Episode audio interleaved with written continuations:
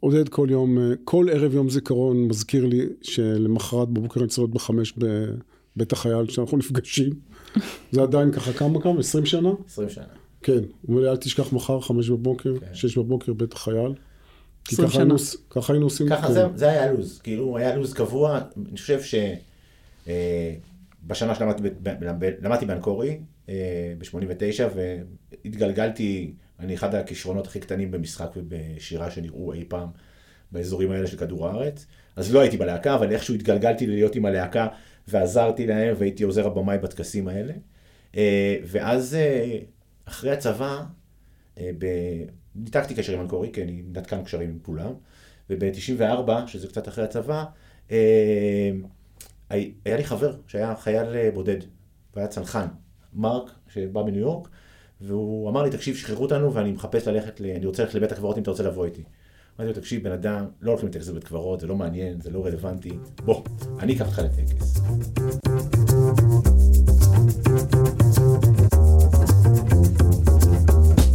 הגעתן לאלטרנטור, המקום לשאול בו שאלות על חינוך ועל למידה, תוך כדי תנועה במציאות משובשת. אני אסנת הבר קוטון, יזמית חינוך והמנכ"לית של אנקורי, בשיחה של ערב יום הזיכרון עם שני אנשי תוכן ביקורתיים ומרתקים במיוחד. ישראל פרץ, חבר יקר, שאי שם בשנות ה-80, כשעוד היה מורה ומנהל באנקורי, לקח חלק בבניית הפורמט של אה, אירועי יום הזיכרון, שאנחנו עד היום עובדים איתו באנקורי. ישראל כתב וביים את הטקסים לאורך שנים. יחד נפגשנו עם עודד קרמר, תלמיד של ישראל, שהיה אחר כך גם מורה לאזרחות, והשתתף בטקסי הזיכרון האלה כתלמיד וכמורה באנקורי. מסתבר שסביב השאלות שעולות בימי הזיכרון, אנחנו חולקים כבר כמה עשורים חוויה משותפת, שזו הפעם הראשונה שאנחנו מדברים עליה יחד. רציתי לשאול אותם על המקום של ימי הזיכרון בזהות האישית של כל אחד מאיתנו, ועל היכולת שלנו לשמור ולעדכן ולהתמודד עם סוגיית הזיכרון גם היום מול אלף ילדים וילדות לבושים לבן באונליין. עכשיו, אין לי מושג איפה הטקס, אין לי מושג, כאילו, זה לא כמו היום, ש... אולי, לא, לא, לא לי מושג מה קורה, ומה עושים, 94, אין, אין, זה, אני מנסה למצוא את ישראל, לא דיברתי איתו מאז שעזבתי את בית ספר, אין שום קשר, אני יודע איפה הכתובת שלו בתל אביב, הוא כבר לא גר שם בכלל. אז עשיתי, אז התקשרתי לאבא שלך, מצאתי את הטלפון של ההורים, כן, מצאתי את הטלפון של אביבה אה, אה, ואבי בלמד, ידעתי שהם גרים בלמד, חיפשתי ב-144, מצאתי משפחת אמבר, התקשרתי, אמרתי, הצגתי את עצמי, אה, מה שלומך, מה שלומך, אבא שלך, כאילו, עם השמחת חיים הזאתי, וברור, מחר טקס 10 בבוקר בקולנוע דקל. נכון, נכון, בקולנוע קולנוע דקל. דקל זה היה. והגעתי עם, אה, והגעתי עם מרק. ואחרי הטקס, אה, זה, שנה אחת אחר כך למדתי בכותרת, והייתה, ו... אה, ואז כבר התחלתי לעבוד בזמן תל אביב, וביקשו מאיתנו, ולמישהו שם במערכת היה רעיון לעשות אה, כתבות על הטקסים. אז אמרתי, תקשיבו, אני, אני הולך רק לטקסט אחד. זה היה ליום ה... טקס יום השואה. מה עושים ביום השואה ב... ב... בבתי הספר בתל אביב? אז שלחו כל כתב לבית ספר אחר, אני הלכתי לאנקורי, עשיתי את הכת- הכתבה על אנקורי, סיימתי לעשות את הכתבה, שלחתי אותה, הדפסה והכל, ואז היה טוב, חזרות ליום הזיכרון ביום של מחר בבוקר. והגעתי, ומשם זה המשיך קבוע, וליוויתי את זה איזה ארבע שנים, עד כן. שנהייתי מורה באנקורי. נכון, גם כשהיית מורה, וגם כשהייתי מורה. השתתפת בטקס בעצמך. והשתתפתי בטקס. בעצמי. נכון, עם המונולוג שלך. כן, כאילו. עשה בשבילי אגב, טקס מורים, כי זה היה אחד הטקסים הראשונים. הטקס שבאתי לראות היה טקס מורים, זה היה אחד הדברים הכי משוגעים ששמעתי בחיים שלי. רגע, בואו תגידו מי אתם. אוקיי, עודד, מה? בסדר, קצת תגידו. מאוחר אה, מה? להתחיל היכרות עכשיו. זה לא- עכשיו באים, עכשיו באים. כן. רגע, לצור- לצורך העניין. טוב? אז אה, רגע, אני, אני אגיד קצת, ואחר כך תגיד קצת בכל. זאת מה אתה עושה ומאיפה אתה בא.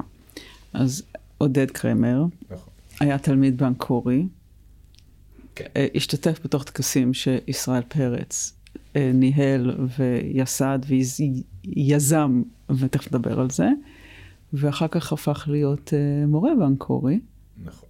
ובכל זאת מה אתה עושה עכשיו?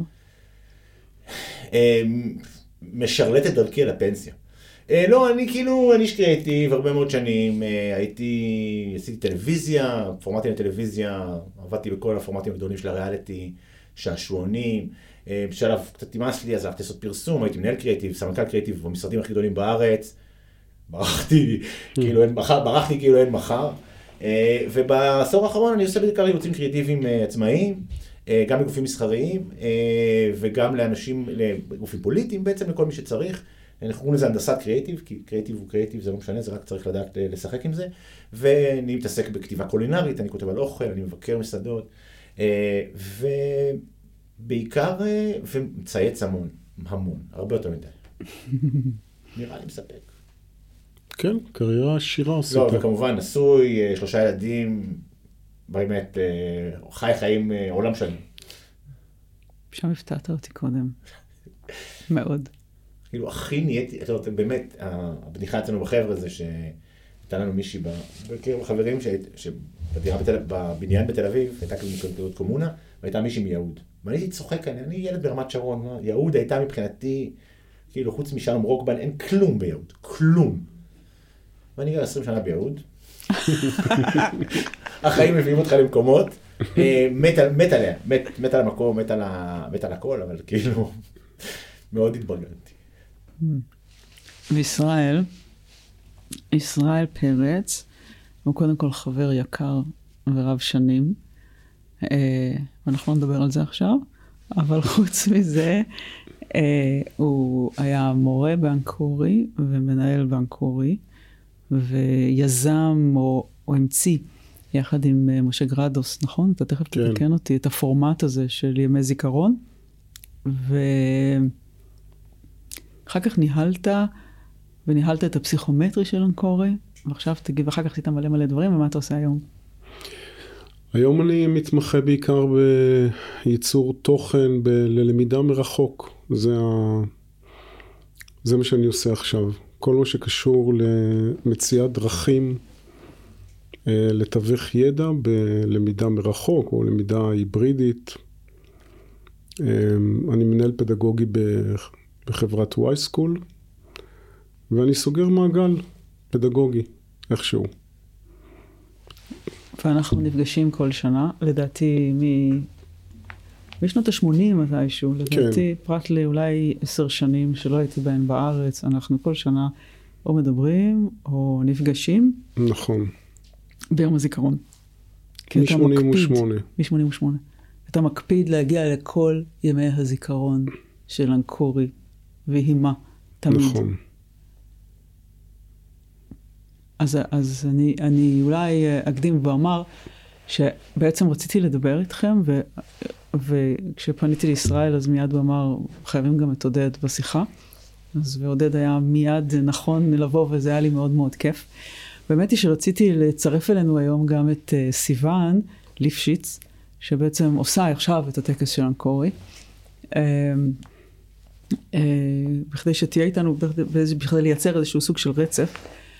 ואני אעשה קצת שיירינג ואני אגיד לכם למה פתאום מאוד חשוב. גם בגלל שאני כבר שנים חושבת אה, אבל זה ביני לביני, אמרתי לישראל לפני איזה שנתיים, שאם היינו עושים טקס אה, מחזורים של אנקורי, אז אה, צריך היה לעשות אותו ביום הזיכרון, או ערב יום הזיכרון. זה רעיון נפלא, אני חשבתי שזה רעיון מצוין ביותר, ללא ספק. הוא מיד, הוא היה הטלפון הראשון שלי, הטלפון השני היה לקרדוס, ושניהם אהבו את זה. זה היום שלו, האמת היא שאני יודע שזה כאילו נשמע נורא, אבל מבחינת, בשבילי, בחוויה שלי, קודם כל חייבים להגיד, החוויה שלי של יום השואה ושל יום הזיכרון, אגב מבחינתי הם תמיד יבואו ביחד, אין, אין כאילו אחד בלי השני, זאת אומרת, זה כאילו, זה, זה, זה השבוע הזה. ברור, זה בנוי לא, לא, ככה בכוונה. כאילו. אצלי ממש, זה כאילו, זה ברור לגמרי, כי, כי תמיד זה שבוע טקסים, זה שני טקסים בשבוע שאתה עובד עליהם הרבה מאוד זמן. אה, זה, זה חג, כאילו, אנחנו, אני אשכרה מתקשר לאחר חג שמח, לא באמת כאילו שמח, כי זה, כי זה מבחינתנו, זה פיק של איזשהו, של איזשהו תהליך שאתה עובר, והטקס של יום הזיכרון, שבתור ילד לא הבנתי את זה. עכשיו, אחר כך שבתור ילד, אני בתור תלמיד, הגעתי בתור תלמיד, הייתי הבן אדם הכי מנותק בעולם, וזה כאילו העניין. מבחינתי, כל, הכל מתחיל ביום שהגעתי לאנקורי. זה ה... אה, פה מתחילה האובססיה שלי האמיתית עם יום, השיק... יום הזיכרון ויום השואה. כתלמיד. כתלמיד, ביום, בשנה הראשונה שלי אה, באנקורי. כי... אני לא... מה קרה שם? לא, זה כאילו, מה, אני, אגיד, אני אגיד מה קרה. אני, אחד הדברים שהם מאוד קשים לי עם יום הזיכרון, אה, זה העובדה בבית שלי השכול מאוד לא נכח. אני יצא ככה. אנחנו מאלה עם הקלפים הטובים, שזה גם, אגב, אצלי זה גם מתקשר לשואה, כי גם בשואה השואה לא נכחה. כי כל הסבים והסבתות שלי היו פה כבר ב-1935, אז כאילו אין באמת טראומת שואה גדולה ב, באירוע הזה. בסדר, נכון, קרובים פה, שם, אבל לא באמת, לא, אני לא דור שלישי בשום צורה. אותו דבר גם בשכול, לא הכרתי. אני ילד 71, זאת אומרת, את מי שנפל ב-73 לא הכרתי, גם אם היו כאלה, נגיד בן דוד של אבא, זה תמונה על הקיר, זה לא בן אדם שדיברתי איתו, שנקשר, אין לי קשר. ולאורך כל הילדות, התחושה שלי הייתה שיום השואה לא קשור, כאילו אני צריך לשחק אותה, כי אין לי באמת, אה, נורא, לא ידעתי איך להתחבר. וכולם ברמת שרון באים לאנדרטה, ויש כזה קטע, ו... אבל אתה יושב בספסלים האחוריים, שבמקרה הזה הם לא ספסלים אפילו, הם, מד... הם מגלשות, אנחנו יכולים לשבת למעלה של המגלשות של הפארק מעבר לכביש, כי שם, לשם היו זורקים את הילדים הקטנים. וכאילו אתה מרגיש לא שייך לכל הדבר הזה. אני זוכר שנה, אני יודע, פתח כיתה ז', הלכתי עם עודד מועלם לראות את, את צ'ארלי וחצי בערב יום הזיכרון, זה היה כאילו הלהראות להם, אנחנו נראה קומדיה ביום הזיכרון גם בזמן הצפירה. בואנה, כאילו, אנחנו הכי כאילו מרדניים, כי זה מה, כי מה קשור אלינו? זה לא. וככה, ובאמת, אליי לא מדבר סמלים. כאילו, הלאומי, הגדול, לא מדבר אליי. אה, אני לא זוכר בכלל, בכלל, בכלל את טקס יום השואה של כיתה, של כיתה י"ב. אני לא זוכר אותו, לא זוכר ממנו כלום. כלום. אבל הטקס של יום הזיכרון, הטקסטים גמרו אותי ברמה שבפעם הראשונה אני חושב שהרגשתי שאני מבין מה רוצים, מה, מה רוצים החיים שלי. ביחס לזיכרון, ביחס לחללי מערכות ישראל, ביחס ל... למדינת ישראל, ביחס למה? אני, אני חושב שזו הייתה הפעם הראשונה שהבנתי את הפער בין הלאומי לאישי, ואת ההבנה שהדרך שלי להתחבר לזיכרון לאומי חייבת להיות דרך האישי. כאילו זה לא, שזה, שאם אני אנסה לחפש את הגודל, אני, זה לא מעניין אותי. אני לא, אני לא יכול, אני, זה, שם הבנתי את הנקודה הזאת. את הבין הפרט לקולקטיב. בדיוק. זה כאילו, כי אני כל החיים שלי חייתי במין סרט, אני אגיד, כמו אה, רונלד בארט, כאילו מסמן ומסומן. זה יום השואה, יש צפירה, אתה חושב על אנה פרנק, קצוב, כאילו, הכל בסימונים, זה לא באמת, אה, זה לא באמת נחת. אז עם השואה היה לי קצת יותר קל. קל. השואה, בוא'נה, אני הייתי במשלחת הראשונה שיצאה מהארץ לפול, לפולין בגיל 15 וחצי. אוקיי? לא בפק הרגיל של החמישה מחנות בארבעה ימים, כאילו, אלא רק במקרה, משלחת שהייתה אמורה לנסוע לגרמניה לחילופי משלחות, לחילופי עיר תאומה וכאלה. כל השנים נסעו לפריז, הייתה רוצה לנסוע לפולין, אמרו יאללה, שלקחו אותם לפולין, לא הכינו אותנו לא כלום, כאילו, זרקו אותנו לפולין קומוניסטית, אירוע מטורף, אבל אני לא זוכרת, גם כן, לא עשה עליי רושם, זה לא, זה, זה לא עבד, זה לא מתחבר, זה לא. יש, זה מדהים, 1989, יש, אני חושב שהטקס של יום הזיכרון, יש לו איזה, יש לו איזה פסקה שהוא כתב, אה, ישראל כתב, ישראל כתב, ישראל כתב על, אה, בטקס, על הילדים הקטנים שיוצאים בחוצות לבנות מהבית, ואיזה כיף להם, כי הם יודעים שהיום זה היום הקסם הזה עם הצפירה, הוא מספר את הסיפור של הצפירה בתור כזה קסם של ילדים שמסתכלים ולא מבינים את הזה, ומסתכלים על הנהגים. אבל הסוף של, ה... אה, של כל, המח... כל הטקסטים האלה, אומר משהו, סליחה אם אני לא מצטט מילה במילה, אלא רק, זה בכל זאת 1989, והוא אומר שאם הילדים הקטנים האלה שעומדים נרגשים ברחוב ירימו את העיניים שלהם גבוה מעל הצמרות של עצי הפיקוס בשדרה, שים לב. נכון. אוקיי, אז הם יוכלו לראות בשני חלונות, בשני חלונות נפרדים של אותה דירה, שני אנשים מבוגרים עם עיניים עצובות שמסתכלים, שעומדים בשדרה ומסתכלים עליהם למטה. ואז המשפט אומר, ולפעמים, אני מאוד בעיניים שלי חושב על המשפט הזה, זה לא יאומן. ולפעמים המבטים שלהם מצטלבים, ויש איזו תחושה של הזדהות. וזה יום הזיכרון. וזה הרגע שהבנתי. שבסוף, זה בכלל לא משנה, זה למצוא את החיבור הרגשי הקטן הזה, מבחינתי זה, עכשיו, זה היה מבחינתי למצוא את האור, כי פתאום הרגשתי שייך, אני בן אדם שהרגיש ארץ כל החיים שלו. זה רגע שהצלחתי להרגיש בו שייך פעם ראשונה, אני מודה שה... ה... ואז, כאילו זה היה מאוד uh, גדול, ואז uh, הסתובבתי פעם ראשונה עם תחושה שאני חלק מהיום הזה, וזה כאילו מסוג הדברים שכאילו כל הזמן היה התרגשות. ואז uh, ניר נהרג, ונכנע, והתחושה הבנתי שלא, שלא הייתי קרוב. אבל עדיין זה היה יפה, זה עדיין היה יפה. אבל מבחינתי זה הרגע של, שהכל משתנה. ובעצם אני מבין שה, שאין דרך אחת, אלא צריך למצוא את הדרכים של כל אחד. וואו, טוב, זו מניפולציה שעובדת עליי עד היום. זאת אומרת, אני... כן, הוא זוכר, אני נפעם מה... עודד זוכר טקסטים שלמים, מ-89 ו-90. כן. הוא תמיד אה, מצליח לתפוס אותי לא מוכן בזה. אבל טוב, זה היה טקס, אה, צריך להגיד על זה כמה מילים. אה, ליום השואה עשינו טקס מאוד גדול, עם קבוצת כישרונות פנומנלית, שהרבה מהם היום מחזיקים בתפקידים ובפוזיציות אומנותיות ויצירתיות. העובדה שהם התקבצו יחד, חנה ג'יאן פרוז ושחר סגל וירון רוסטוקר, כל החבורה הזאת ואיריס שרבי וכל החבורה הזאת ביחד, ועשינו הפקה נהדרת, מאוד מיוחדת, שגם, שגם היא הייתה על סף הלא רגיל.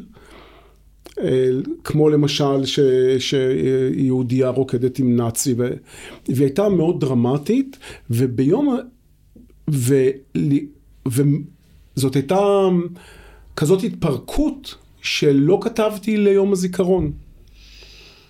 וכמה ימים לפני יום הזיכרון קלטתי שאנחנו הולכים לעשות טקס יום זיכרון ואין לי כלום. ואספתי את החבורה הזאת והתחלנו לדבר והם התחילו, לס... וזאת הייתה פעם ראשונה שישבתי עם הקבוצה של השחקנים כי כבר הכירו אותי, לא היה לי מאיפה לקחת. זה היה אחרי תהליך מאוד ארוך עם פיתוח קול, דני דונר היה המנהל המוזיקלי. וניסיתי לחשוב מה המשפט ש, שיניע את התהליך. ותוך כדי שיחה ותוך כדי דיבור, וכבר היה מאוחר בלילה והיינו גמורים, ואז פתאום היה לי את המשפט שאני חושב שיש אה, לי צער בכוס ירוקה. זה המשפט... זה המשפט האלמותי. הפותח. אמ, ירון אה, אמר אותו, זה היה המונולוג הראשון, ואז... אה, ואני אמ, אני לא יכול לשחזר מה, מה... אבל ידעתי רק דבר אחד, שאני חייב ש, ש, שזה ילדים שידברו את עצמם על התפר שבין ילד לבוגר בצורה הכי אמ, מופשטת שיכולה להיות, ולאט לאט התכנסנו. ואני לא יודע אם את זוכרת, אבל זה הטקס הראשון, זה היה ניסיון, אמרנו בואו ננסה לעשות אותו בערב, ושיבואו הורים, ולא היה כזה דבר אף פעם, ועשינו את זה, ושכרנו את קולנוע תל אביב. ואמרנו לא יבוא אף אחד, ולאט לאט התחילו להגיע הורים של התלמידים שלנו ותלמידים, והאולם היה מפוצץ. ואז ירון אמר את היש לי צער בכוס ירוקה, ו... וכאילו נכנסנו למדיום שלא היה אף פעם. זאת הייתה התחלה, ש, שזה לגיטימי שאתה תאפשר לילדים להביע, לסגנן את זה, לתווך את זה, אבל כמעט כל הטקסטים שקבע, שכתבנו, כמעט, בטח עם עודד אחר כך, היו על בסיס אה, שיח ותהליך. ואז כשהתחילו אה, להרג הילדים שהשתתפו בטקסים, אז זה כבר התחיל להזין את עצמו. וואי, זה היה, אני, לי היה קטע, כי אני לא הייתי ב... קודם כל, חשוב לציין שאני לא הייתי בטקס של הכוס הירוקה, אני רק מכיר אותו, אני גם מעולם לא ראיתי אותו. כי עשית אותו ב-89 וב-88 וב-90 ובשניהם לא הייתי. נכון. אני לא, הייתי, לא ראיתי אותו אף פעם על במה, אני ראיתי את הטקסט שלו כמה פעמים, זאת אומרת, יש לי לדעתי עד היום בבית את, ה, את הטקסט. את הטקסט עצמו כרוך במין כזה פלסטיק אדום אה, של זה. אה, וב... אז אני הגעתי שנה אחת אחר כך, נכון, אה, לטקס השני, ואני לא זוכר התייעצויות איתנו, אבל זה לא משנה כי, ה...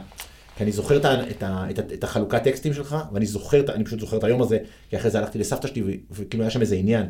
ואני זוכר, אשכרה, זה מדהים, קטעים שלמים מה... מהדבר הזה. קטעים שלמים. בוא לעלות למטוס לפני, לא, שהייתי רוצה לעלות למטוס לפני, לפני צפירה ולראות את הארץ, לראות אם הארץ מתעוותת קצת, כמו בווידאו ששמים על פאוז. אבל בחיים לא הייתי עולה על מטוס לפני צפירה, נכון. אם לא היו מבטיחים לי שאני יכול לעמוד שם. כאילו, כל מיני טקסטים כאלה, חצי, תקשיבו, הייתי ילד בן 17, הוא עושה מניפולציות מדהימות, באמת.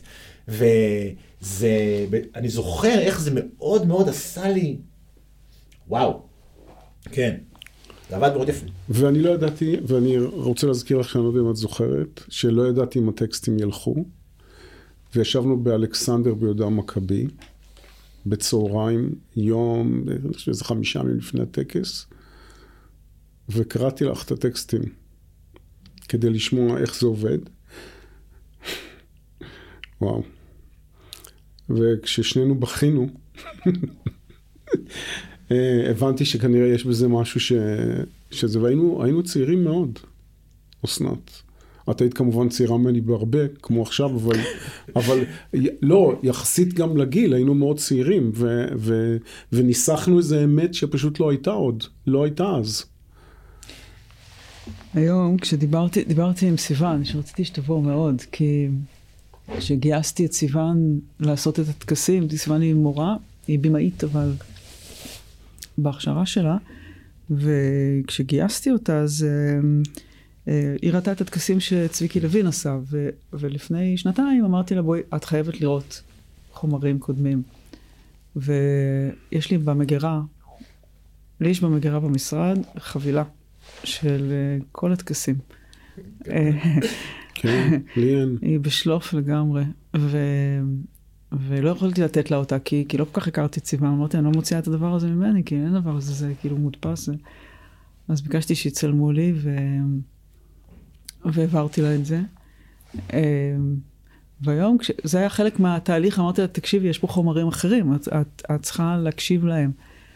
והיום כשדיברתי איתה, היא אמרה לי שזה היה, היא חוותה את זה בתור, היא מאוד מאוד התחברה לחומרים, היא חוותה את זה בתור ארס פואטיקה, זאת אומרת, היא, היא שמה על זה אה, מילים שלא ידענו אז להגיד אותם, אבל uh, בתור משהו שלגמרי לגמרי מרגיש שיוצא מתוך הילדים ומדבר אותם, ושואל את השאלות. ו... ואני אגיד לכם למה היה לי נורא חשוב לדבר השנה. כי הייתה דרמה השנה, אני אעשה רגע שיירינג. אה, באופן מפתיע, עוד פעם הגיע יום השואה ויום הזיכרון, הם תמיד מפתיעים. ו... ויום יום השואה, כאילו, החיבור הזה, שאני חושבת שהיה סופר אינטנסיבי בזמנו שעשיתם את זה, של יום שואה ויום הזיכרון עם אותה קבוצה שעושה את שני הדברים האלה, לא, לא הצלחנו להחזיק את זה, אי אפשר היה להחזיק את זה, זה היה כל כך אינטנסיבי, שאי אפשר להמשיך להחזיק את זה. זאת אומרת, אז ימי הזיק... בהיסטוריה של אנקורי רגע אחד, ימי השואה הפכו להיות אה, לוקאליים בתוך הקמפוסים השונים, ויום הזיכרון נשאר בתור, אה, בתור הפיק המשותף. ו... אה, והשנה, ותמיד יש בעצם, בתוך הדבר הזה, יש תמיד איזושהי זווית, שזה תמיד, נכנסנו לתוך יום הזיכרון מאיזושהי זווית. זאת אומרת, אם זה אה, הקצר בכוס ירוקה, אם זה שני אנשים שמסתכלים אחד על השני בה. אה, אם זה השנים, אני זוכרת, אני זוכרת מאוד מאוד חזק את הטקס עם, הח, עם, עם הרעיון של השכול של, ה, של החברות, נכון. שאין להם מעמד. נכון. זה היה, באמת היה. כן. אגב, זה שם הסיפור היה, שזה באמת היה, תקשיבי, ישבתי איתו פעם ראשונה שאני יושב איתו, ואני שומע את הסיפורים מהן. עד אז מבחינתי, אני לא הייתי בחלק של לשבת עם אנשים ולספר את הסיפור, אוקיי? זה לא היה, ואז פתאום כשחזרתי אחרי, אה, אחרי הצבא, וכבר בתור עיתונאי, ואז היה את הטקס אה, בנות הזה. נכון. שהוא כאילו, תקשיב, קודם כל הייתה, הייתה חבורת בנות מהממת. נכון. מהממת. כאילו אי אפשר לד, לד, לדמיין, הייתי כאילו, אה, באמת, אין לי מילים לתאר איזה חבורת בנות נפ... מדהימה, בוגרת, אה, נכון. חזקה, עצמאית, כאילו כל מה שאתה יכול לדמיין בדור החדש הנשי, שאני מסתכל עליהם כמודל לבת שלי ואני רק יכול, איזה כיף שיש כאלה, כאלה מודלים. והם פשוט הוציאו מעצמם דברים, אני הייתי בשוק. תקשיבו, אני לא ידעתי מה קורה בלבנון. אני לא ידעתי. כי אנשים בגילי לא ידעו. אני לא שירתי. הבלגן בלבנון באמת התחיל ב-94-5, שם אז התחיל הבלגן הגדול ברצועת הביטחון. אני הייתי מאחורי זה. אני, חברים שלי כבר היו, כולם כבר היו משוחררים, מי שמת מת, מי שחי חי. סיימנו את הקטע שלנו. מילואימניקים לא נכנסו לרצועת הביטחון בצורה מסיבית, אז כך שזה לא היה איזה עניין. נכון, זה היה ברקע. אבל זה היה ברקע, וייטנאם ברקע. אנשים ממשיכים לחיות. ואני, כמו שאמרתי, הקלפים שלי היו סבבה. לא היה לי את ההיכרות והדברים. ופתאום אני נכנס לחדר עם החבורת בנות האלה, ואח שלה ככה, וכאילו יש שם אחות שכולה, אם אני זוכר, נכון. יש שם אחות שכולה מלבנון, נכון. אוקיי? ומישהי שבן הזוג שלה נהרג ב... ופתאום אני מבין שזה, בואנה זה ילדים שאני, ששנה אחר כך אני אלך ללמד אותם בבית ספר, או שנתיים אחר כך, וזה כאילו היה חלק מהחיים היומיומיים שלהם, ואני בכלל לא ידעתי את זה. זה, זה כאילו, זה היה מטורף. מטורף. זה, אני כן. זוכר את התחושה שכאילו, בשנה שעברה אה, עזרתי לחבר'ה של לוחמי לבנון לעשות את ספירת החללים של לבנון. ישבנו חיים הר זהב ויוסיפון ואני במשך ארבעה ימים ולילות, ועברנו שם שם באתר יזכור, שם שם. כאילו בתאריך המוות פשוט עובר אחד אחד, אתה קורא את הסיפור חיים שלו ואתה מבין אם הוא נהרג בלבנון או לא נהרג בלבנון. ככה. וכשחיים שאל אותי, מילא אני, חיים אומר לי, מילא אני ויוסיפון היינו בלבנון, יש לנו כאילו תג, תג מערכה, יא ג'ובניק, מה, מה, מה יש לך לעשות עם הדבר הזה? אמרתי לו, תקשיב, אתה לא מבין, אני עושה את זה בשביל הבנות. כאילו, באמת, וסיפרתי לו את הסיפור, את הסיפור הזה. כי זה, זה מבחינתי היה, וואו, איזה, איזה, אתה לא מאמין שילדים יכולים לחוות כזה דבר. אבל, ואני אציין פה זה, עם כל הדבר הזה, עדיין, הטקס הכי חזק מכולם, היה טקס המורים הראשון. כי עם כל הכבוד לילדים, זה בסדר, כאילו ילדים זה סבבה והכל, בסוף, יש איזה משהו בתמימות, בצעירות, בזה ש... סליחו, סליחו לי, אני בן 50 השנה. כאילו, אני יודע שזה איום ונורא שהאהוב שלך נהרג בצבא, אבל החיים ימשיכו. כואבים, אבל החיים ימשיכו. זה, זה...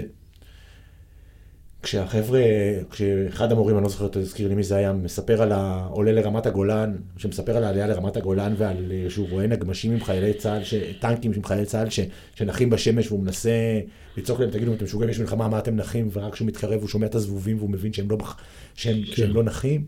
זה, אני זו, מורה שלי, מורה שכאילו, שהיה מורה שלי, שלימד אותי בכיתה, מספר סיפור כזה. הוא אומר, תקשיב, אני ראיתי את הבן אדם הזה כל יום, שלוש שעות, ואני לא, ואתה לא מבין מה, מה, מה, עבר, איזה- מה עבר עליהם. ועל אנשים שמספרים שהשכבה שלהם כולה נמחקה מה- מהצופים, זה דורון לדעתי סיפר. כן, דורון. דורון סיפר שכאילו מהשכבה בצופים היו 24 דורון בנים. נשארו, נשארו שלושה. נכון. מה, את, את, את, כאילו, וגליקסי, שסיפר על הבית שלו ברמת אביב, שכל מלחמה נהרג מישהו אחר, ובסוף רק הוא נשאר. ובמלחמה הבאה זה היה ברור.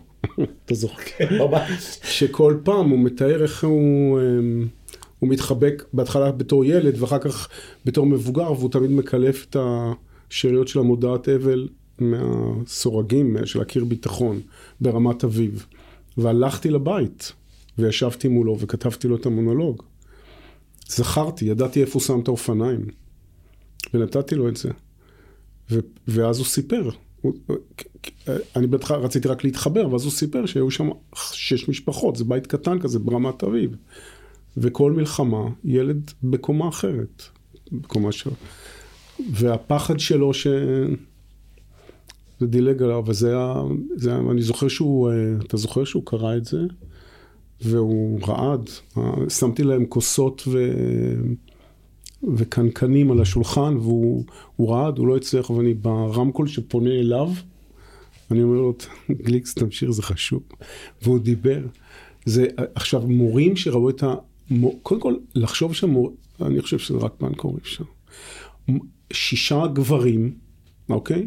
אה, חזקים, היו שם שני סגני אלופים, אה, גר- גרדוס היה לוחם, אה, עוד- עודד היה מורה, אבל להיפתח ככה שאתה אתה, אתה, אתה בוכה, אתה, אתה מוכן לפני אלף איש, להיחשף במקום האינטימי ביותר של ההתמודדות שלך עם הכאב. זיו, אני לא יודע אם את זוכרת אותו, היה כזה סגן אלוף רועם כזה, שהוא סיפר איך הוא עלה לרמת, את הסיפור על רמת הגולן. והוא הוא פתאום מבין שהם לא משתזפים שם פתאום באמצע המלחמה, אלא... ו, והשכבה של, השכבה של דורון זה הסיפור נורא, אני חושב, וחלק מהם לא התעמתו עם זה בכלל עד עכשיו, רק במהלך, גם, גם עודד, גם עודד לא ספר את החברים שמתו, אה, נכון. ורק שאלה, או פתאום, ואז הוא דיבר ודיבר, ואז, אני זוכר את היום הזה. אה, היה, מה שקרה זה שאני הייתי, ליוויתי את הלהקה בכיתה י"ב, ואז ישראל שאלתי אם אני רוצה להשתתף בטקס סיום של י"ב. וזה היה כאילו, אמרתי בשמחה, אני אהיה לקחת חלק. ואז הוא כתב את הטקס הכי לא מתאים לכיתה י"ב שהיה אי פעם בהיסטוריה. כתב טקס על הלבטים שלנו לפני צבא. נכון. עכשיו, כל מה שהיה מתאים ביום הזיכרון לא היה מתאים בסוף השנה. באמת, כאילו, אדם צריך לדעת להגיד, די, יש רגעים שהיה קשה שם. וכל הלהקה הייתה מאוד מבואסת מזה, אבל הם נורא פחדו מישראל. ואני אין אלוהים. לא היה לי אלוהים אף פעם. אם צריך להילחם מלחמה אבודה, אני אלחם מלחמה אבודה. אני הלכתי ודיברתי. ואני חטפתי צעקות, והוא העיף אותי מהלהקה. העיף אותי. ולא כאילו הייתי חלק מה... ולא הייתי חלק מהמסיבת סיום. בסדר, חזרתי, הכל היה בסדר, כאילו, עברו שנים, למי אכפת, כאילו, זה לא, לא באמת עניין גדול. ו... לא עניין גדול, אבל 20 שנה. לא, לא שכחתי לך. אבל תראה, לא שכחתי, זיכרון. אבל לא שכחתי, אני לא שוכח כלום, זאת הבעיה שלי, שאני לא שוכח כלום. ואז אה, כש- כשהגעתי, כשנהייתי מורה, והתחלנו לדבר על הטקס, אז הוא אמר לי, אתה יודע משהו, אני חייב לך הופעה בטקס. אז בוא נעשה עוד פעם את הטקס מורים, בוא נעשה עוד פעם טקס מורים.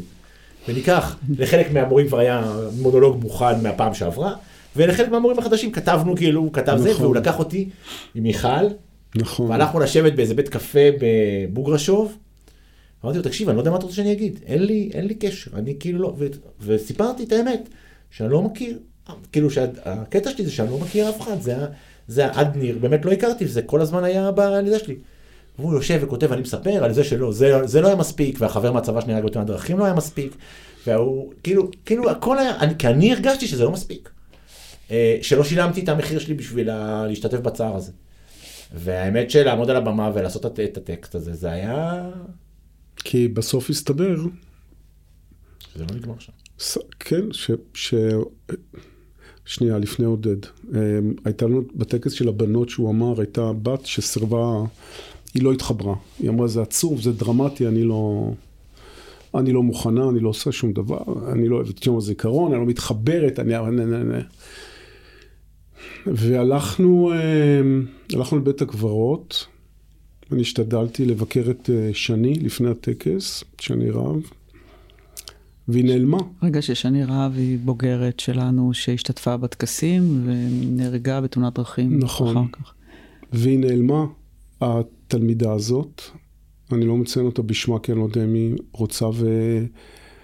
ובית קברות אנחנו כבר צריכים ללכת והיא איננה, ואנחנו מתחילים לחפש אותה, ואנחנו מוצאים אותה ליד קבר. לה, מה זה? אומר, זה חבר שלי. אז זה. אם אתה... תשמעי, אחד הדברים הנוראים ב... ב... בדרך שבה מנציחים עכשיו, עד, עד היום הטקסים.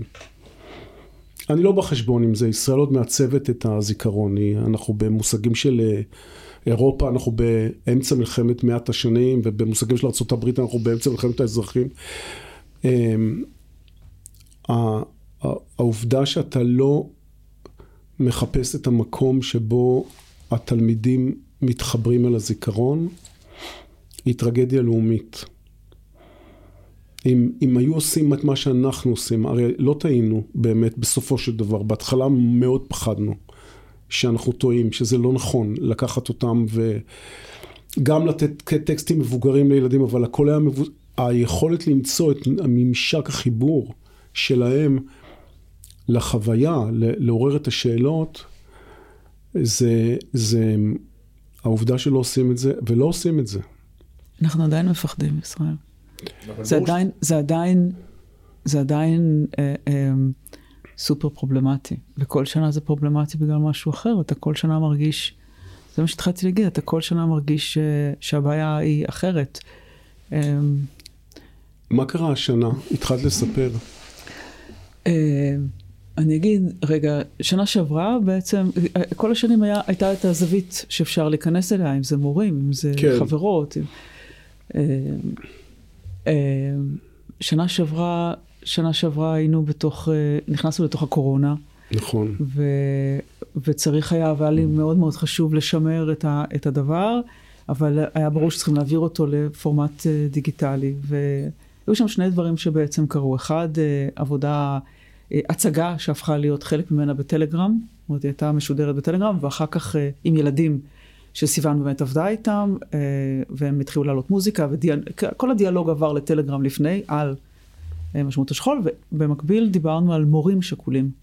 זאת אומרת, ובעצם הוצאנו את רונן קוק, הצלם שלנו, לצלם אה, מורים אה, ששקלו את התלמידים שלהם.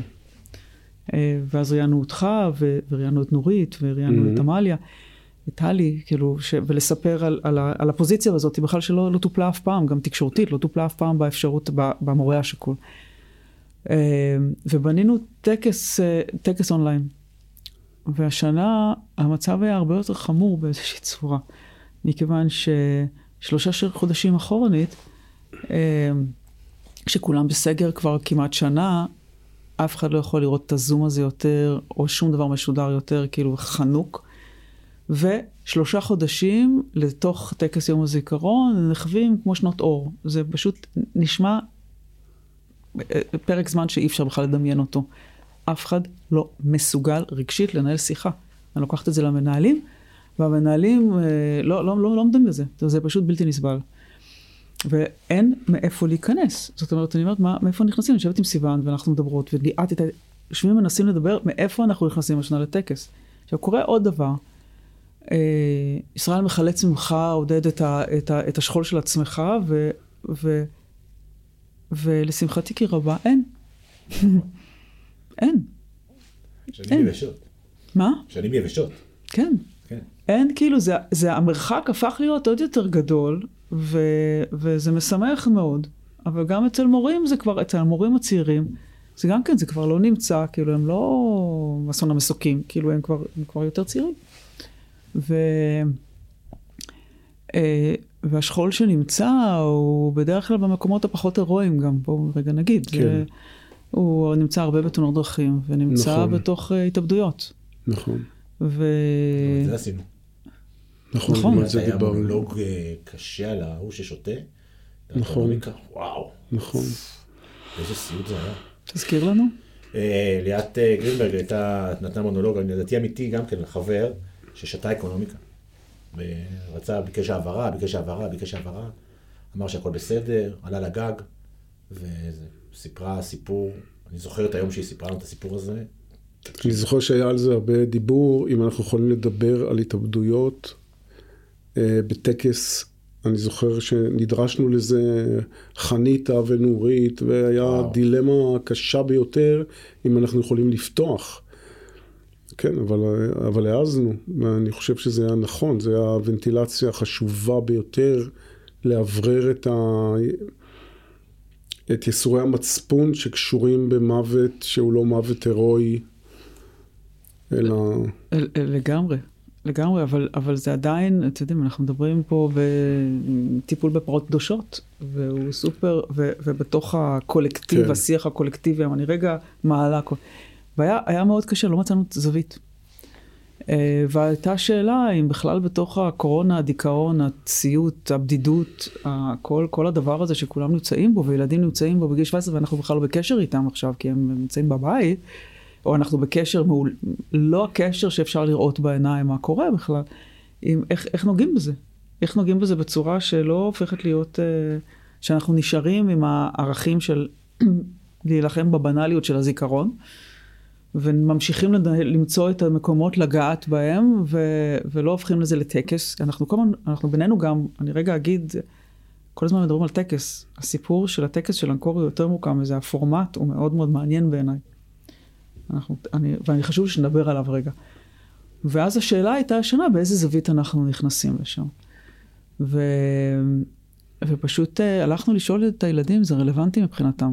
זאת אומרת, אם יש ישראל, אם יש גיוס, כאילו, עם, עם כל נושא העלאת השיח הזה בכלל, uh, מה מידת הרלוונטיות, פשוט הלכנו לשאול אותם את השאלה, אם זה, אם זה רלוונטי לעשות טקס.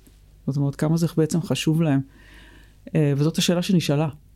ומתוך השאלה הזאת בעצם, אה, אה, מה שהיא עושה עכשיו, ובגלל זה היא לא באה לפגוש אותנו כאן היום, היא בעצם אה, בונה סוג של דוקומנטרי, או מוקומנטרי,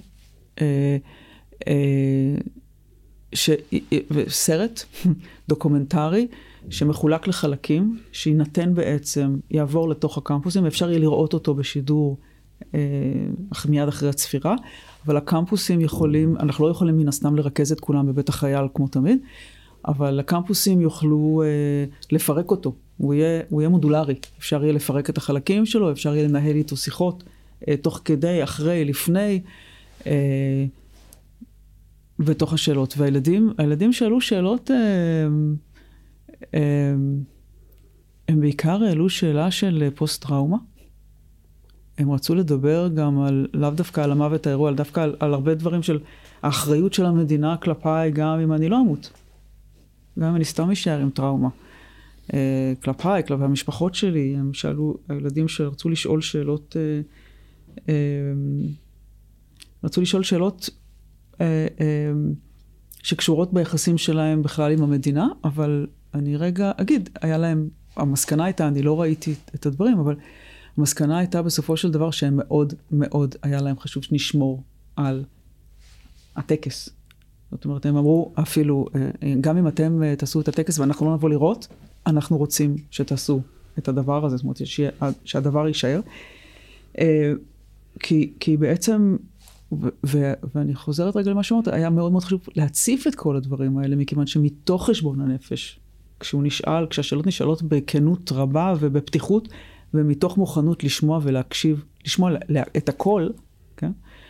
אמ, גם את הביקורת וגם את אי הנוחות וגם את החשש ואת הפחדים, אמ, אה, זו הנקודה היחידה שמאפשרת בעצם את הבחירה מחדש, בכדי לייצר את הקולקטיב, כי המקום של הקולקטיב סופר חשוב להם. אולי אפילו יותר חשוב להם ממה שהיה פעם. אני לא יודעת אם אני ברורה, אבל נשמע שכאילו היה להם מאוד מאוד מאוד חשוב uh, לקיים את, ה, את אותה התחברות שאתה מדבר עליה, של עצמך כשהיית קטן.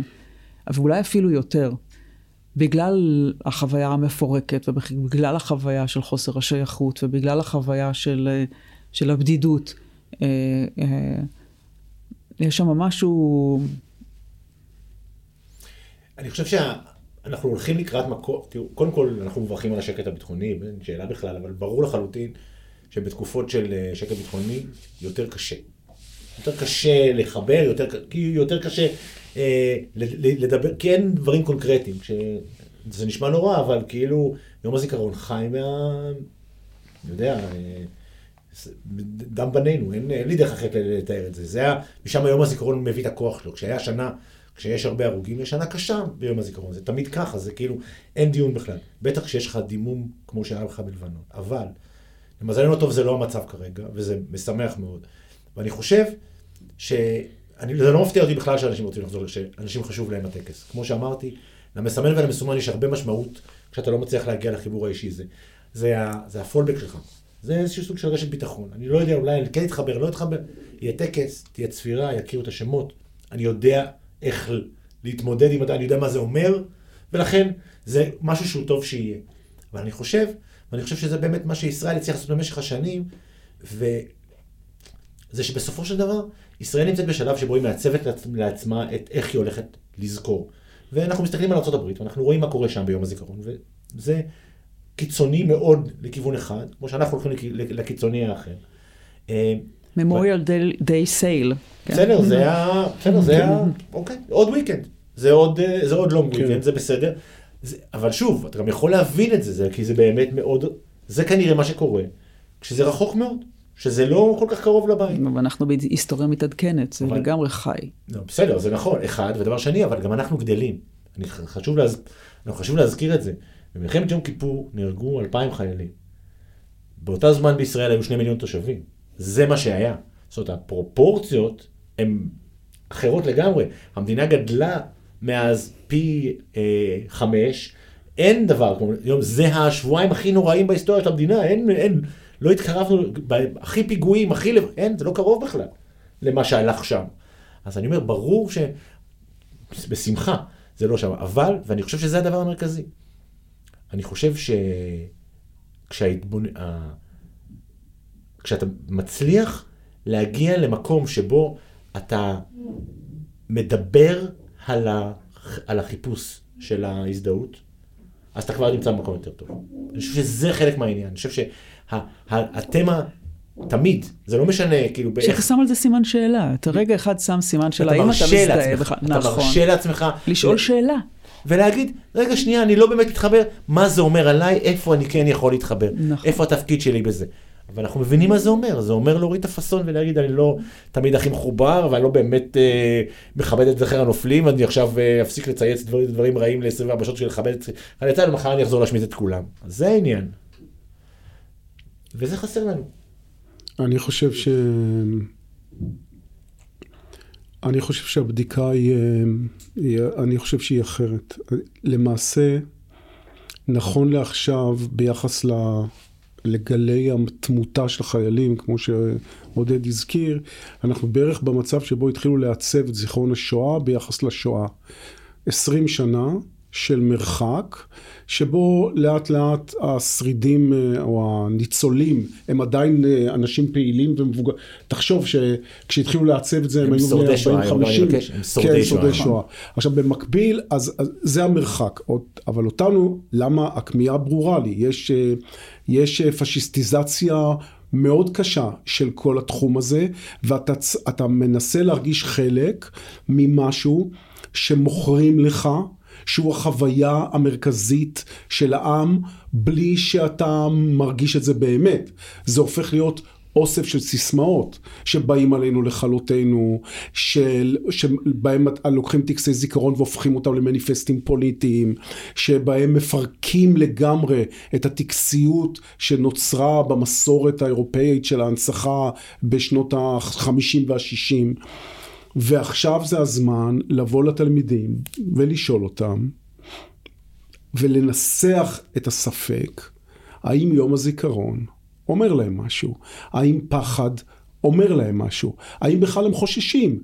האם הם יצטרכו, אני זוכר, אתם זוכרים, לא- אולי, לא יודע, ביום, ה- באחד המסעות הראשונים לפולין, אני זוכר שכולנו התאספנו והתחלתי לדבר. ופתאום אמרתי, בלי שתכננתי, לא כתבתי לעצמי טקסט. הסתכלתי על הילדים המקסימים האלה שהיו מסביבי, ואמרתי, אתם תלמידים, אני מורה, נגיד יאנוש קורצ'אק. ואני שואל את עצמי, אם פתאום נכנסים לפה, ורוצים לקחת אתכם, ואומרים לי, אדוני, אתה יכול לצאת, אם אני הולך איתכם לתנורים, האלה. וזאת שאלה שלא משנה מה המרחק, אתה תמיד בסיטואציה שאתה יכול לשאול ילד ולנסח את הספקות שלו. אז רציתי לדבר על הטקס, להפריד בין הטקס לבין האיור של הטקס. בסך הכל, אחרת לטקס, הרי למה, למה, הט... למה עושים לזה איור, תוכנית אומנותית, הרי אפשר היה לקרוא שמות ולרדת. אני מזכיר, לך, אני מזכיר לך את הפעם הראשונה שהדלקנו נרות, אני לא יודע אם את, אם את זוכרת את האירוע הזה, ש, שפתאום אמרתי בואו נשים זה ושכל מורה או תלמיד שירצה אה, אה, יעלה לבמה וידליק נרות. ואמרנו, היו חמישה, היו עשרה, אז שמנו כמה, זה שם הכל. ולא לקחנו בחשבון, זה היה מלחמת לבנון. קמו עשרות, עשרות, עשרות הלכו לבמה, נשרף הארגז מרוב נרות שהכל התחיל לבעור שם, זה היה הרי לא, כי שם הייתה פתאום החוויה, אבל לנסח את ה... לדון בזיכרון דרך השאלה שלך. אם אתה, למשל תעשיית שירי הזיכרון היא אחת התעשיות החזקות ביותר, כי התמלוגים על זה הם מטורפים. אתה, אין סוף הזדמנויות. אני, אני חושב שזה זמן מצוין לעשות טקס יום זיכרון, או ששואל על יום הזיכרון, ששואל את, ה, את השאלה המרכזית. זה, זה, זה מונולוג. כאילו, לא, אני יכול לדמיין לי, בדיוק כמו הילדים שאמרו, אני לא מתחבר ליום השואה, אני, אתה זוכר את המונולוג, אני, אני, עם הילד שאמר, אני כעסתי על סבא שלי שאין לו מספר, כי לא, זה או אחד שאמר, אני מזרחי, מה לי וזיכרון, ואתם כולכם חוגגים, ואני אין לי מה לעשות עם זה, אז גם אני צריך, או המסעות לפולין, כל יש משהו שיעורר. ועכשיו נשאלת השאלה, זה, זה דבר, אני לא הייתי מרפה מזה לשנייה. הבעיה פה, אני, אגב, קצת פה בשואה, אבל אני חושב שבצורה הרבה יותר משמעותית, זה באמת הקושי של אנשים ל, ל, להריב, לה, להציב את סימן השאלה הזה. כי יש בזה משהו שהוא לא פטריוטי. תקשיב, כל שנה, אתה כל אמרת יחס, כל שנה, כל שנה, כשאנחנו הולכים לעשות את טקס יום הזיכרון, וזה לא משנה שיש לנו כבר היסטוריה משנות ה-80 של טקסים שנוגעים בנקודה, כן? כל שנה יש לי מישהו אחר בתוך אה, אה, ייעוץ אה, תקשורת, תקשורת, כן, כי זה כבר לא יח"צ, ייעוץ תקשורת שאומר לי, לא, לא, לא, זה רעיון לא טוב, השנה לא צריך את זה, מה צריכה את זה בכלל? מה את צריכה את זה בכלל? למה את רוצה לדבר את הדבר הזה בכלל? בואי תקטיני את זה כמה שאת יכולה. ומבחינתי, זה, זה מהות של המהות, זאת אומרת, זה באמת, אה, אה, אה, זאת המהות הכי עמוקה של התהליך החינוכי שאנקורי עושה, והיא לא קשורה רק לילדים ורק למורים, היא קשורה גם להורים שלהם ולמשפחות נכון. שלהם, ולכל האוסף ה- ה- ה- ה- של האנשים שבאים, ואני חושבת uh, ש... ואני כל פעם מנסה להסביר, ועד שמי שלא נמצא שם פיזית, אף אחד לא מבין, ואני חושבת שמי שמבין באמת, זה הילדים שגדלו בתוך אנקורי, בתוך הדבר הזה, ואני חושבת שיש פיצוח סופר מורכב וסופר מתוחכם, שהצלחנו, לש... שאני מנסה לשמור עליו היום גם, זה הדבר הזה שהם מגיעים, אלף ילדים, לתוך uh, אולם בית החייל, שזה בעצם האולם הכי גדול שנשאר, ורק עכשיו אי אפשר. האחרון. האחרון, כן. ואי אפשר, אין, ועכשיו גם את זה אין לנו. שנה הבאה קיסריה. לא, זה היכל התרבות, וזה היה כבר, נו. ואין איפה, ואז, אה, והם כולם, אה, והם כולם בחולצות לבנות. והם כולם מגיעים המון אוטובוסים מכל הארץ, כן. בחוץ. ומגיעים איתם המון המון בוגרים, במדים. שזה חלק, רגע, זה האירוע של החיבור, של הקולקטיב, הכי, באמת... אה, הנוכחות של חיילים בטקסים היא מדהימה, דרך אגב. זה לא מדהימה. בטקסים. זה כן, נהיה לא, לא, קטע. אבל זה נהיה קטע בהרבה מאוד זה הולך ספר, ויורד, ובאנקורי זה הולך וגדל. זה דבר, זה תופעה. יש לי- בת חיילת הזה, יש לי גם, יש לזה הסבר מסתבר, כי מחייבים אותם להיות בטקסים בצבא, אבל אם אתה הולך לטקס בתיכון שלך, אז זה כאילו לגיטימי, וזה פשוט יותר קצר ויותר נעים. ואני אומר לך, זה כאילו, אני מבין את זה מה... זה כאילו, לא, לא רק באנקורי, אני אומר, זה שאתה יודע שזה כאילו חזר להיות קטע.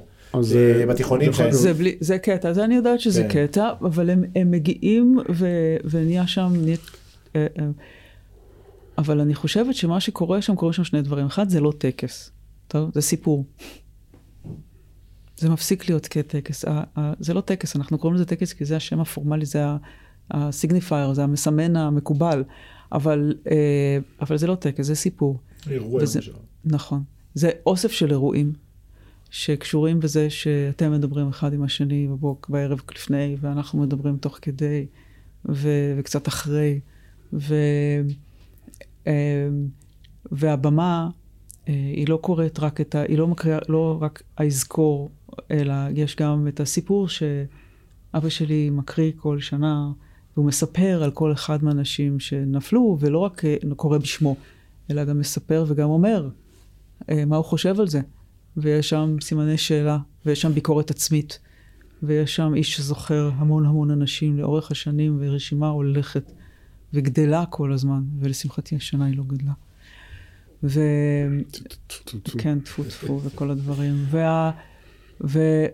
ופתאום פתאום הם שומעים לא רק רשימת שמות, הם גם שומעים שמישהו נהרג אה, בתאונת דרכים, ומה חושבים על זה, ושיש שם אה, מישהו שירה בחבר, אה, שניהם בוגרי אנקורי, ויש שם סיפורים לא מקובלים, וכל הדברים שהם לא הירואיים, ולא שומעים אותם בנרטיב המקובל. ומיד אחרי זה מזמינים את כולם להדליק נר, ופתאום יש אאוטינג כזה, פתאום המורים כן. שלך וה, והחברים שלך, אני חייב להגיד שאני כאילו, אני קצת סקפטי על האירוע הזה, שתדעו. למה? זה, נו, יאללה. כי זה גם, אה, כי באיזשהו שלב זה הופך להיות גם כאילו, קטע של המקובלים, וזה כאילו, אני זוכר את עצמי, כאילו, בפעם הראשונה שבאתי בתור חייל, לא חייל, אחרי, אחרי השחרור, והדלקתי נר, אתה כאילו, זה, זה מין תחושת togetherness, אני לא... אבל זה ה... זה- אבל זה- זה- זה חלק. מהקתרזיס. לא, אבל אני אומר, אבל זה לא באמת כאילו, אתה פתאום, כאילו אנשים ממציאים בני דודים, כאילו אני כל שנייה, אה, אה, אני רוצה להגיד על זה משהו. בפעם הראשונה זה לא היה ככה, כי באמת אנשים... אני מסכים.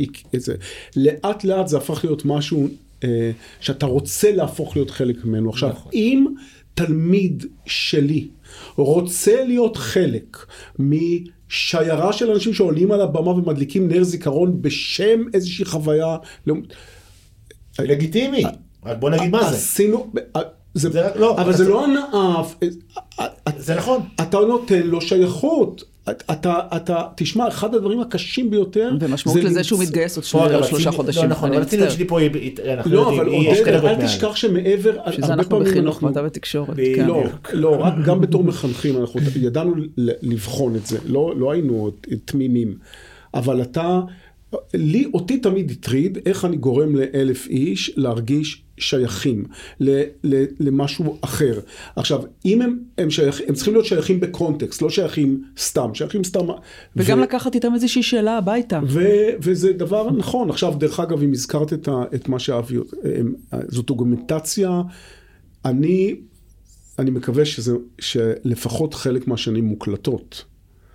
מפני שכשאבי כבר לא יהיה לו כוח לעשות את זה. אני בטקס הראשון שבו הוא אומר, אני לא יכול לעשות את זה יותר. הוא כל שנה אומר שאני לא יכול לעשות את זה יותר. כן, אבל בסוף תהיה הרי שנה שהוא לא יוכל לעשות את זה יותר. אני הייתי מעלה את התמונות ומשמיע את הקריינות שלו ברקע. העובדה שהוא עומד שם היא, היא חשובה, אבל היא, ה, ה, הטקסטים שהוא אומר, האמירה, זה, זה, אגב, זה משהו שהייתי עושה, זה, זה משהו שהייתי עושה, זה, זה, זה הסרט הדוקומנטרי. להראות את התמונה ולשמוע את הסיפור. בקולו המבוגר, הבוכה, הוא הרי מתקשה יותר ויותר להתמודד עם, ה, עם, ה, עם היסורים האלה. כן, הוא מדבר על זה שכאילו לאבד חברים זה דבר אחד, לאבד תלמידים זה בלתי אפשרי. כן, זה, זה, זה, הוא, אני מקווה שזה מוקלט, הוא מוקלט, נכון? זה ברור. מוקלט. זה, כי את הטקסים שלנו, אין לזה כמעט לא, בשנים דוקומנטציה. האחרונות זה מוקלט. יופי. אז זה, זה נורא לא חשוב. המציאו את הוידאו, כשהכנסים שלנו היו... נכון, נכון, אבל לא- לא היה, לא, אני, המחשבה שלא היה להם טלפונים סלולריים לצלם את הטקס, זה כל כך מוזר, אני חושב על דיאלוגים וזה. לא, אז אז אני אגיד עוד פעם, אני מקבל את כל מה שאתה אומר, אני- רק אומר, יש פה בעיניי, אה, בסוף, זה עוד חלק מה- מה- מה- מהטריקים. כי זה טריקים, אתה צריך... אתה, לא, שוב, תשמע. אני, תשמעו, אני הייתי סמנכ"ל במשרד תמיד. פרסום. אם אתה, אם אין לך את כל מה ה disruption, שאנחנו עושים הוא סוג של לא, מניפולציה, זה. לא... לא, אם אין disruption אז אנשים לא באים, נו, זה לא קשור אליכם, זה קשור לקשב אנושי. יש אה, כללים בדבר הזה. הדבר הזה נחקר על עשרות פעמים, אנשים קיבלו, קיבלו את זה פרס נובל, זה לא... אחרת זה נהיה בנאלי, חסר משמעות, ריק מתוכן. ואני אגיד, רגע, אז יש את הטקס, את החלק הטקסי, שגם הוא פורק מה, ו, ונושל מה, מה, מה, מהבנאליות שלו, בגלל שהוא פתאום הפך להיות אוסף של סיפורים. ואז יש אה, אוסף הסיפורים של, של, של, של החללים של אנקורי, ואז אוסף הסיפורים של האנשים של מהמם. אנקורי, ואז יש אירוע שהוא הצגה, והוא כולו כל הזמן אה, מתוך הטקסטים של הילדים ומתוך השאלות שעולות כל שנה. ואני חושבת שזה, אני, אני, חושבת שזה ממש ממש, בעיניי, אני אגיד לכם, ממש האירוע המכונן של, של הדבר, או על, או על. ה- זה הספיין, זה עמוד השדרה שעליו כל אנקורי בנויה. זאת אומרת, אני יכולה להגיד כל מה שאני יודעת על אנקורי, דרך הטקס הזה.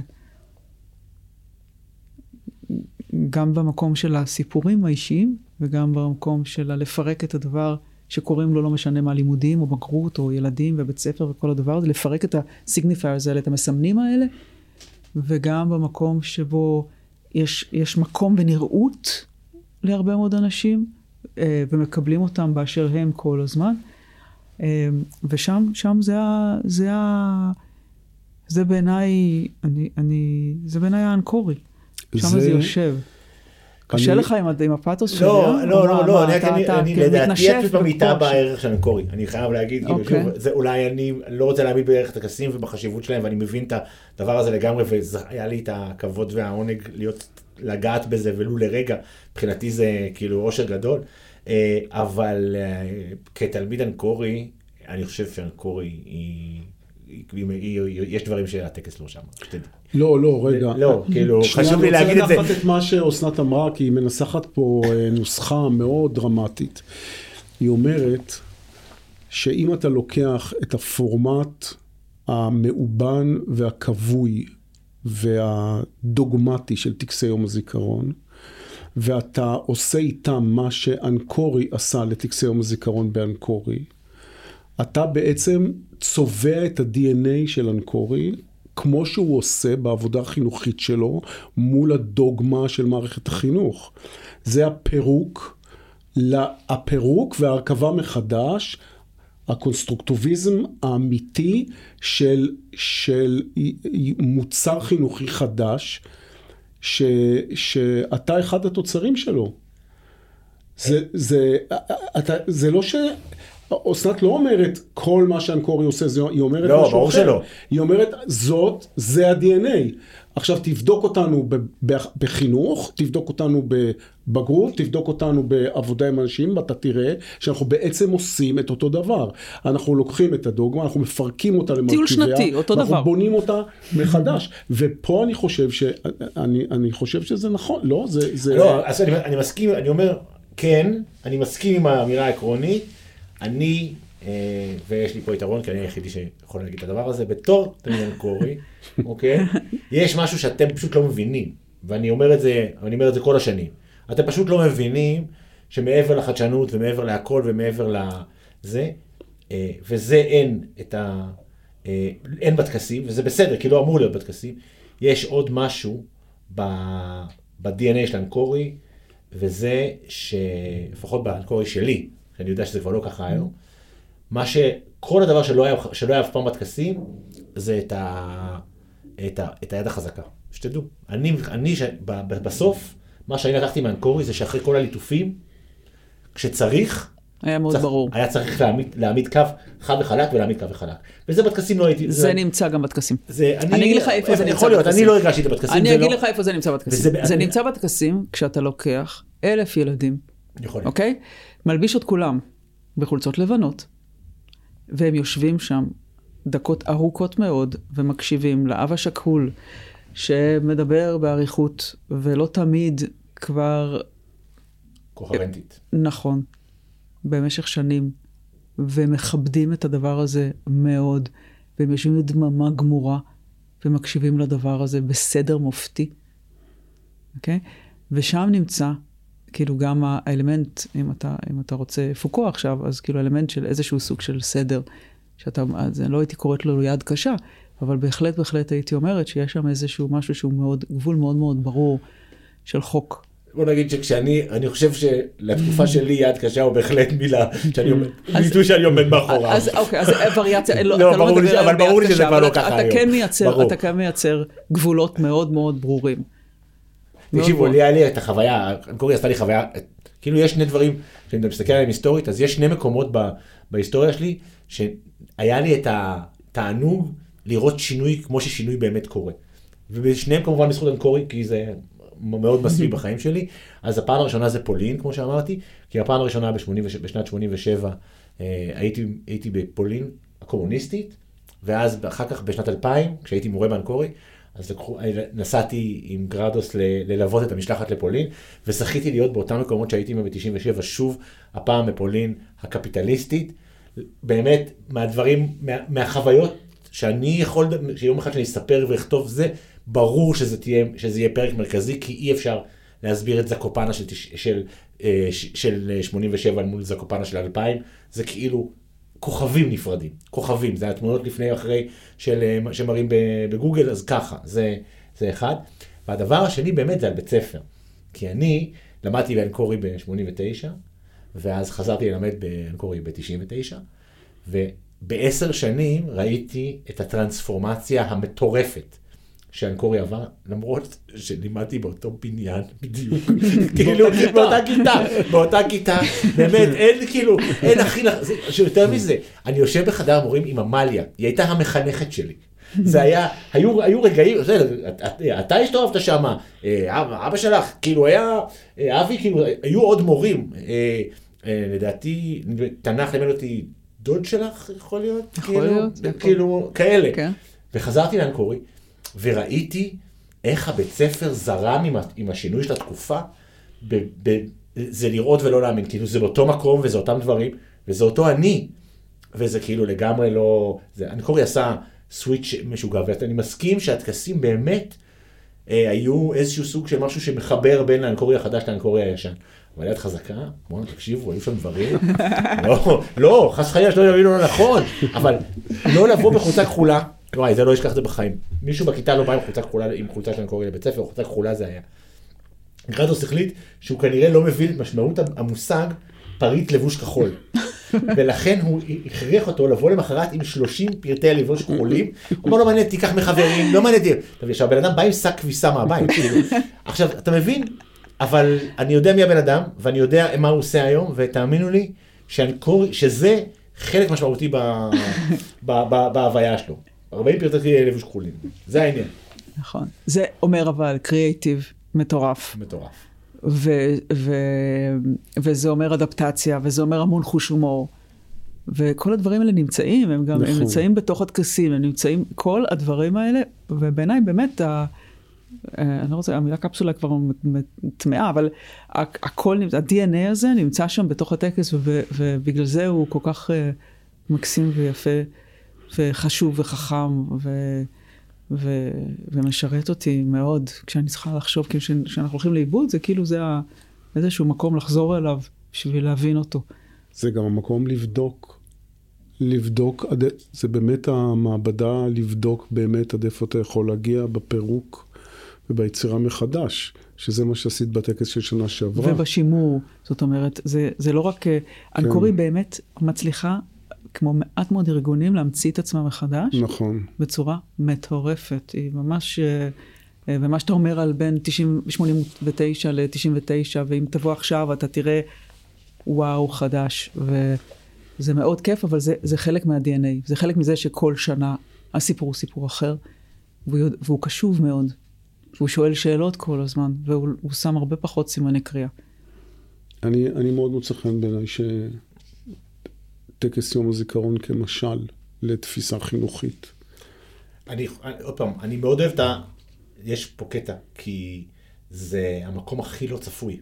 זה כאילו המקום הכי בנאלי ב, ב, ב, ב, בעולם, בעולמות שאני מגיע מהם. כי בפרסום, מעבר לזה שיום הזיכרון הוא טאבו ולא נוגעים בו, בוא נשים שנייה בצד, החיים שלה, כמו שאני אומר לך, של הסימון, של הסימון והמסומן הוא כל כך חזק, הוא כל כך מה שאנחנו מתעסקים בו כל היום אה, בתקשורת, שלבוא ולהצהיר על משהו שהוא, שהוא, שעל יום הזיכרון, כעל, ה, כעל המורשת שלך, כן.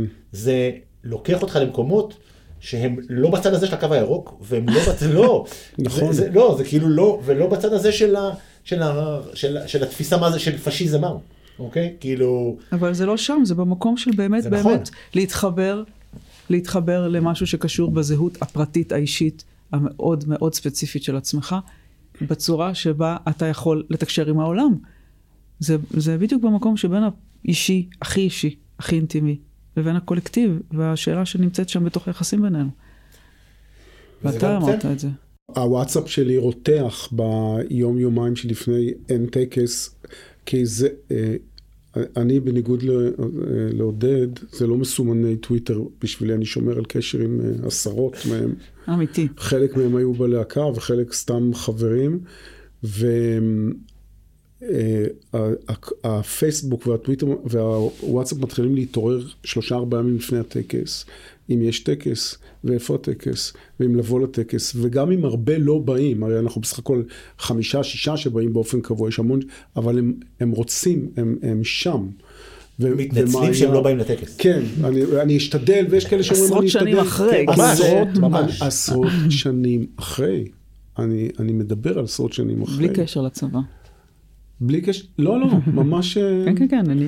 אז, yeah. אז הלוואי ש... טוב, נו, הלוואי ש... אז, אז, גם, אז גם אני... גם אפשר לבוא, יש, יש קיר זיכרון שמעלה בתוך האתר של אנקורי, יש קיר זיכרון. שהעלינו שנה שעברה, ובעצם יש שם גם טקסים של שנים עברו. אני חושבת שיש שם, אנחנו צריכים להעלות גם דברים של ממש ישנים, אבל יש חמרים שצריך להעלות.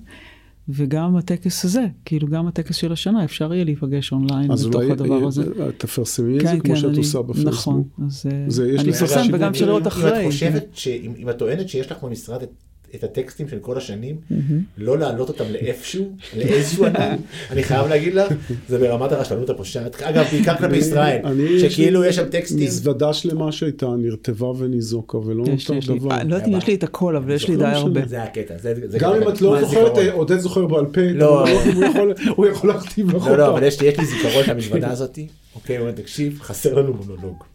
אוקיי, חסר מונולוג, לא זוכר איזה שנה, 96, 97, חסר מונולוג. הוא אמר, אין בעיה, אני אביא טקסטים.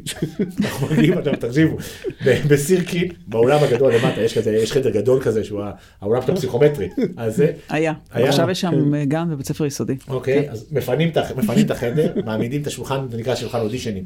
כי ככה היינו עושים את האודישנים, היינו מעמידים את זה לשולחן, שולחן שופטים כזה שאנחנו יושבים אחריו, מעמידים את השולחן, הוא מוציא, מביא, מביא, ילך לאוטו שנייה, היה חונה שם ממול, אני זוכר את האוטו שלו, את ה-GMC הגדול הזה, כאילו, הולך, הולך, זה מביא מזוודה. מרופטת כאילו סבתא שלי הביאה מפולין ב-35 כזאת עם כזה שני קליקים טק טק פותח אותה וכל מה שיש בפנים זה מלא מלא כאלה קלסרים שקופים בכל מיני צבעים הוא אומר טוב תתחיל לחפש מונולוגיה עכשיו אין, סדר שום דבר כאילו תתחיל עכשיו כאלה אבל כבר קראתי את זה יכול להיות שיש את זה פעמיים. מוזר מאוד היה. טוב, אז אה, היה לי ממש כיף איתכם. ועם המזוודה, ופתחנו אותה. וחלקים ממנה יש לי פשוט עם הצבעים האלה מה, ב- מהמשרד. אני מבטיחה לעלות. ונורא נורא תודה לשניכם, גם ישראל וגם עודד, שבאתם בהתראת אפס כזאת. ואנחנו ננסה להעלות את זה שנייה לפני, בכדי שנוכל אה, לשתף את זה לפני יום זיכרון. תודה. תודה לך. כיף איתכם.